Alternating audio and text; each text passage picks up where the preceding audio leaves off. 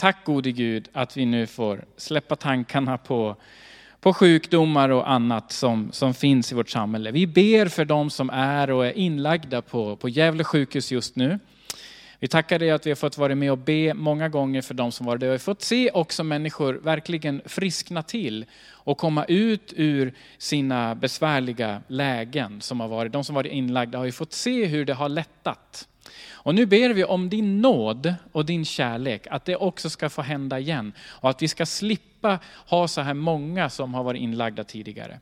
Vi ber i Jesu Kristi namn om, om din nåd och ditt beskydd över Gävles befolkning och vår församling, så att vi ska slippa drabbas på det här sättet, Herre. Tack Herre för att du bär oss och du leder oss genom den här situationen. Du hjälper oss att förstå vad som är det klokaste i olika lägen. Och vi ber om din hjälp för varje dag som går. I Jesu Kristi namn. Amen. Rubriken för den här predikan är Kungen kommer. Och den kommer utifrån ett bibelord i gamla testamentet. En av profeterna, nämligen Sakarja han, han, man kan liksom, när man läser det så är det liksom som att han, han, han ser någonting som han ska skriva ner och det känns som att han liksom studsar upp och liksom ropar ut det han skriver ner. För han skriver så här, ropa ut din glädje, står det i Sakarja 9.9. Dotter Sion, jubla högt, dotter Jerusalem. Se din kung kommer till dig. Han är rättfärdig och segerrik. Han kommer i ödmjukhet, ridande på en åsna. Ja, på ett åsneföl. Jag ska ta bort alla stridsvagnar från Efraim och föra bort alla hästar från Jerusalem. Krigsbågarna ska förstöras och han ska förkunna fred för folken. Hans välde ska sträcka sig från hav till hav, från floden till jordens ände. Och det här det, det, det såg och uppfattade Sakarja flera hundra år innan det eh, hände i verkligheten. Därför att det hände när Jesus kom och skulle liksom rida in vid ett tillfälle, egentligen ganska nära hans död. Så det, det, är egentligen inte liksom, varför läser vi det här första advent varenda år? Ja, men det har ju ingenting med påsken att göra på ett sätt, det handlar om födelsen. Men det är det här som startar liksom eh, kyrkoåret, att, att kungen kommer. Han, han går in, han kommer in i Jerusalem. Och eh, det finns en, du kan läsa om det i Nya Testamentet, hur det verkligen hände. Hur Jesus, han letade på ett åsna, lärjungarna letade på ett ås, en åsna åt honom. Och så fick han sakta rida in i Jerusalem. Och folket såg direkt. Han, han kliver in i Messiasrollen, han kliver in i den där befriarrollen som vi har hört talas om hela livet. Nu kommer en som kliver in i den rollen vi måste, vi måste möta honom med jubel. Vi måste, vi måste sjunga, vi måste, vi måste liksom välkomna honom, för nu kommer befriaren. Sen vet vi att folket, de flesta, inte förstod vilken slags befrielse de skulle få. De hade hoppats på en yttre befrielse, en, en krigsherre, en kung som skulle slå tillbaks allt som var ockuperat för dem. Men det blev inte så, utan det blev en inre befrielse som Jesus kom med och som gäller dig idag. Det är det som är så fantastiskt. Men man kan tänka så här då, i flera tusen år så kanske det inte var så svårt att associera och att predika om att det kommer en mäktig kung. Att det kommer en mäktig som ska liksom befria och, och hjälpa sitt folk.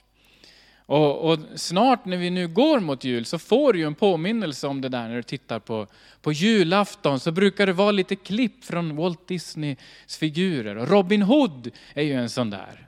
Och i den historien så, så är det ju precis så här va? att det finns någon som är en, en, en rättmätig kung.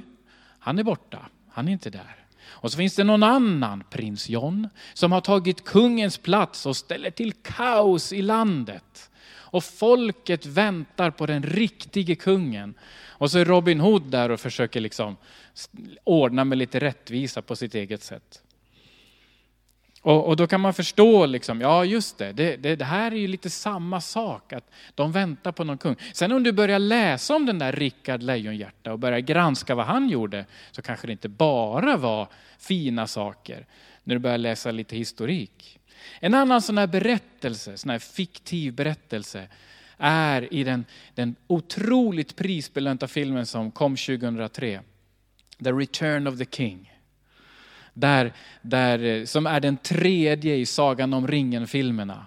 Där kungen på slutet, den heter faktiskt Return of the King, där Aragorn blir krönt till King of Gondor under stor makt efter att de har slagit fienden och mörkrets välde har liksom fått på pumpen och den här ringen är slängd och allt är liksom, det, det, finns en möjlighet till fred i det här riket. Det här är fortfarande påhittat.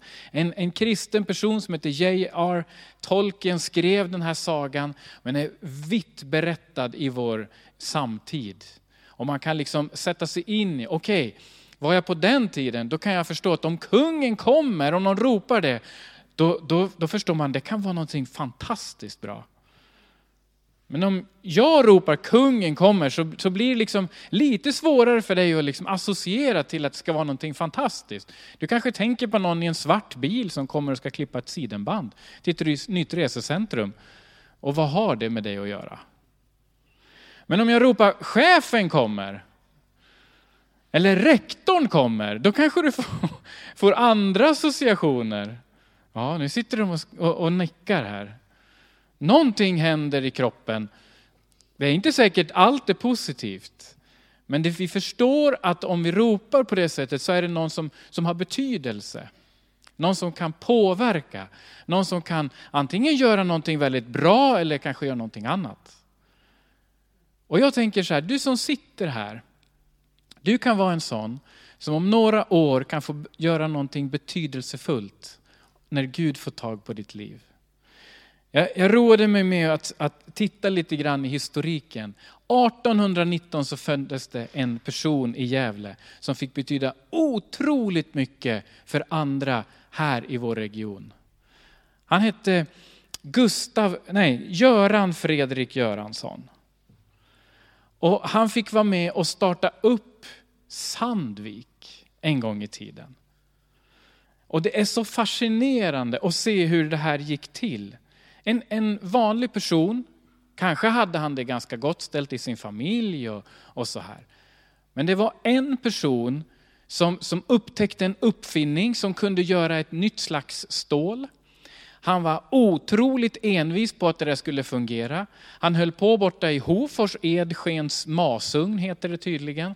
Där han till slut, till slut, till slut fick den här uppfinningen att fungera så att man kunde ta fram götstål. Han, han, han var fortsatt envis, det här ska vi göra mycket utav. Han startade Sandvikens järnverk. Vet du att det fanns inte ens en fäbod där borta? Det fanns ingenting. Och idag bor det 39 000 personer i den stan. Allt på grund av den här personens envishet och, och engagemang. Och familjen var känd och är känd för, för sitt, sin tro på Gud. Det är många sociala projekt som har startats utifrån de pengar som har kommit in utifrån Sandvik. Som har velat hjälpa arbetare, velat hjälpa andra. Du kan fortfarande som kyrka i Sandviken idag få ut ganska stora belopp för att göra projekt. Sociala projekt, resor för ungdomar och olika bra saker. Tack vare en persons engagemang och alla de här tusentals människorna som har jobbat där har ju fått pengar för att kunna köpa bröd och kött och äta. Har fått utbildning och vård tack vare en persons engagemang. Och kanske sitter du här som kommer att vara med och få se någonting sånt i ditt liv. Därför att Gud har någonting för dig att göra. Gud har någonting för dig, en tanke som du ska kunna få vara med och ge någonting in i. Det här var inte gratis för den här personen. Han gick i personlig konkurs under en period. Han satsade allt och det kostade honom faktiskt allt. Men idag vet ni att det är ett multinationellt företag som finns i hela världen. Och det har hjälpt så många till att få brödföda och få ett liv som fungerar. Och vad du ska få vara med om, det har jag ingen aning om. Och jag brukar tänka så här att när vi, när vi predikar så ska vi predika om Gud och vad Gud är, vem Gud är och vad han gör i våra liv. Och inte lika mycket om vad vi kan göra. Därför att det viktigaste om vi jämför med andra, det är att vi har en Gud som har gjort allt för oss. Han har gått i döden för dig och för mig. Och det betyder allt för oss. Vad vi gör har inte tillnärmelsevis lika stor betydelse. Och Det här är så viktigt för vår tid är så präglad av prestation och vad du och jag kan prestera och klara av. Så när du kommer till kyrkan, då ska du få höra ett annat budskap. Gud har gjort allt för dig. Han har gått i döden för dig, för att du skulle kunna bli försonad med honom. Det är det allra viktigaste. Det är det allra största. Men samtidigt kan du och jag också få vara med om att bli utmanade när vi har tagit emot det här. Att få göra någonting för någon annan. Så självklart kan vi inte låta bli att utmana varandra att gå någon meter till med Jesus Kristus, ta hans kors på och så göra någonting för det samhälle som vi är i. Det bara är så. Men om vi stannar en liten stund vid det här med prestationen så vill jag läsa också Matteus 6 och några versar. Därför säger jag er, oroa er inte för hur ni ska klara livet hur ni ska få mat och dryck eller kläder att ta på er. Nu är livet mer än maten och kroppen mer än kläderna. Se på himlens fåglar, de varken sår eller skördar eller samlar i lador. Men er fader i himlen ger dem mat ändå. Är ni inte mycket mer värda än fåglarna? Vem av er kan med sina bekymmer förlänga sitt liv med en enda timme? Och varför oroar ni er för kläder? Lägg märke till liljorna på ängen hur de växer. De arbetar inte och spinner inte. Ändå säger jag er, inte ens Salomo i all sin prakt var så klädd som de. Men om Gud nu ger sådana kläder åt gräset som idag står på ängen och imorgon kastas på elden, skulle han då inte ordna kläder åt er? Så lite tro ni har. Oroa er alltså inte för vad ni ska äta och dricka eller för vad ni ska ta på er. För sånt jagar all världens folk efter. Er far i himlen vet att ni behöver allt detta. Sök först Guds rike och hans rättfärdighet så får ni allt det övriga också. Oroa er alltså inte för morgondagen utan lös problemen den dag det dyker upp. En dags bekymmer räcker mer än väl. Jag var tvungen att läsa ett lite längre stycke för jag tycker det är så fantastiskt hur Jesus undervisar sin samtid och dig och mig om vad vi har så oändligt mycket av. Det är så märkligt att fast vi har mat varje dag, en säng att sova i, så verkar det inte ta slut på oro. Visst är det konstigt? Vi går in och vi bekymrar oss för så mycket. Vad ska hända nästa år? Hur ska jag klara av min uppgift på jobbet? Hur ska jag hinna köpa julklappar som barnen tycker om till jul? Hur ska jag hinna hitta rätt gran? Och du kan ju bara räkna upp i ditt huvud, vi är vid första advent och du vet, en del av er vet hur många timmar det är kvar till julafton och du undrar hur du ska hinna allting. Det är jättemärkligt och jättekonstigt att vi ställer upp Ibland förväntningar som finns från omgivning, men väldigt ofta från oss själva. En massa förväntningar på att vi ska klara av att göra. Och Jesus säger, oroa er inte. Och då kan du säga, tack Jesus, men det är för sent. vi oroar oss ändå. Men jag tänker att Guds ord kan få fäste i dig och mig. Och få tag på någonting i ditt och mitt liv idag. Så att det här kan få bli en ände. För vet, ska vi få fortsätta att se Gud att, ska få fortsätta se Gud göra saker. Jag var så förundrad förra helgen, vi fick höra om så många olika saker som Gud har gjort genom den här kyrkan i Gävle. Men jag tänker, ska det hända fortsättningsvis att Gud gör det, då behöver han använda dig och han behöver använda mig. Men vi behöver först få se att Jesus får rida in i ditt och mitt sinne i våra liv så att saker får rätt prioritering och Gud får först bli Gud i våra liv och så får vi göra någonting, det vi bjuds till. Så jag tänker tre saker nu, hur Jesus ska få rida in. Nummer ett, Jesus vill så gärna bli kung i ditt liv. Jesus vill så gärna få bli ditt nummer ett i ditt liv. Jesus vill så gärna få komma hit med den här undervisningen som jag nyss läste ett längre stycke om. Hur han kommer in i ditt liv och det är han som kommer, fridens konung, kommer in i ditt liv. Fredens konung kommer in i ditt liv. Tänk om det får bli så idag att Jesus får liksom rida in och bli kung i ditt liv. För vet du vad du blir då? Då får du en gigantiskt stor rättighet. Det pratas mycket om rättigheter och jag brukar upprepa det här. Då får du bli Guds barn. Den största och sannaste identiteten du har, det är att du får vara pappa, Guds barn. Och även du som inte har haft någon gång en bra pappabild i ditt liv, kanske inte ens har en bra pappa i ditt liv, eller inte har någon pappa. Du kan få en pappa Gud som är större, som är god, som är närvarande, som är kärleksfull, som är omsorgsfull, som är en sån som man kan få skydd av, som du kan krypa upp i knät på. Så en, en god far, en god pappa Gud. Du, du får en rättighet när Jesus blir ditt nummer ett. Och det är att du får bli Guds barn. Och då har du någon som till slut beskyddar dig någon som står upp för dig, som drar en lans för dig när det verkar som ingen annan gör det. Tänk att Jesus kan få bli kung i ditt liv min vän. Idag kan du få det. Du kan ta emot Jesus Kristus. Det är du som får öppna dörren till ditt liv. Precis som de öppnade porten i Jerusalem när Jesus kom där på, på den här åsnan. Och det är precis på det sättet. Det var ingen slump att han valde en åsna. Därför att Sakarja hade sagt att det skulle vara så. Men också därför att det var en symbol på ödmjukhet.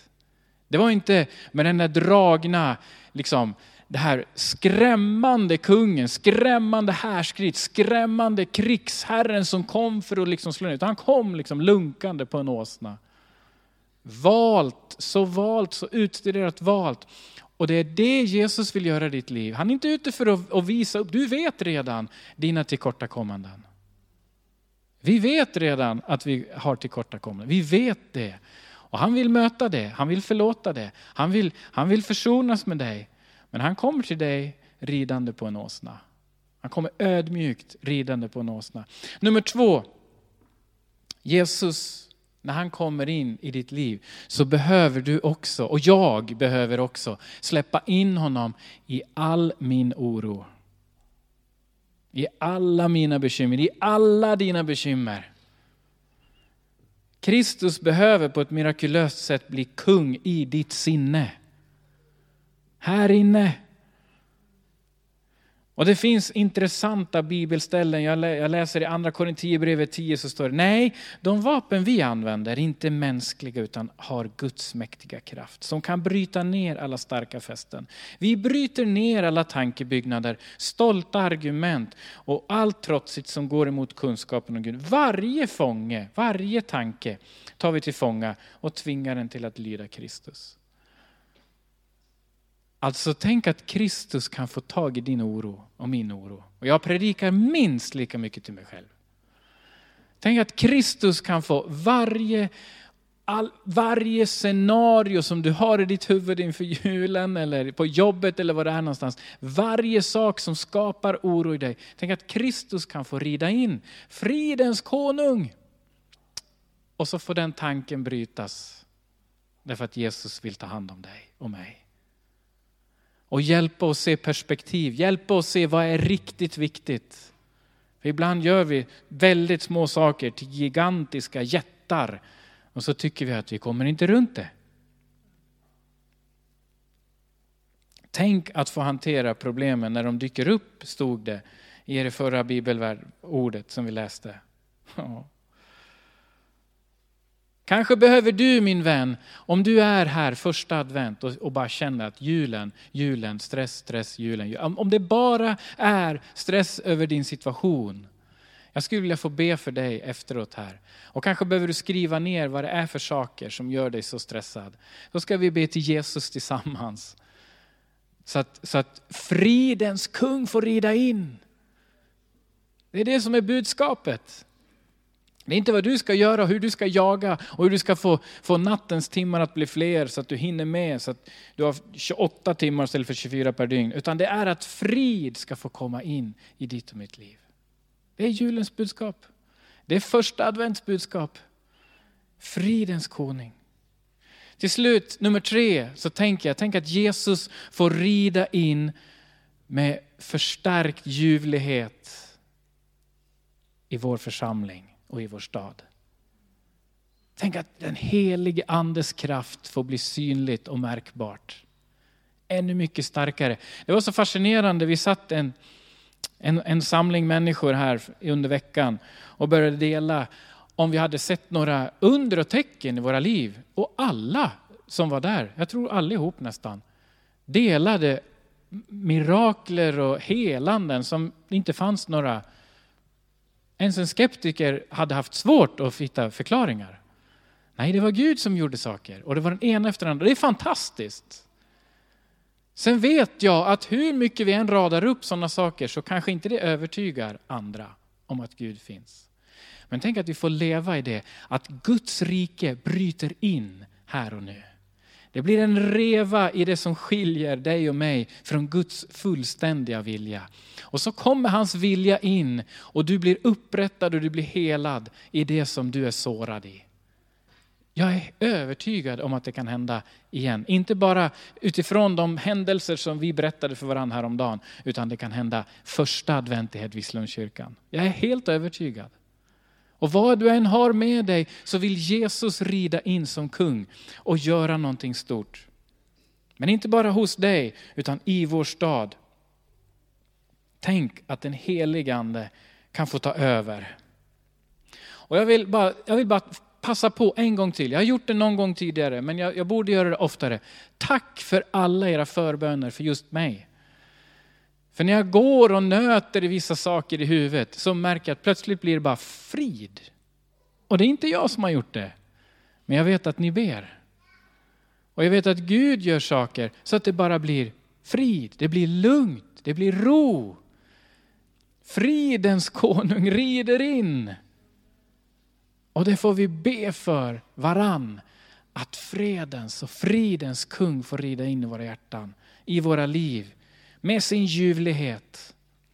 Se, din konung kommer, stod det i Sakarja. Ser du, Jesus är på väg. Han vill. Historiskt har det varit superviktigt att ha starka ledare. Oavsett om man kallar dem chef, kung eller rektor.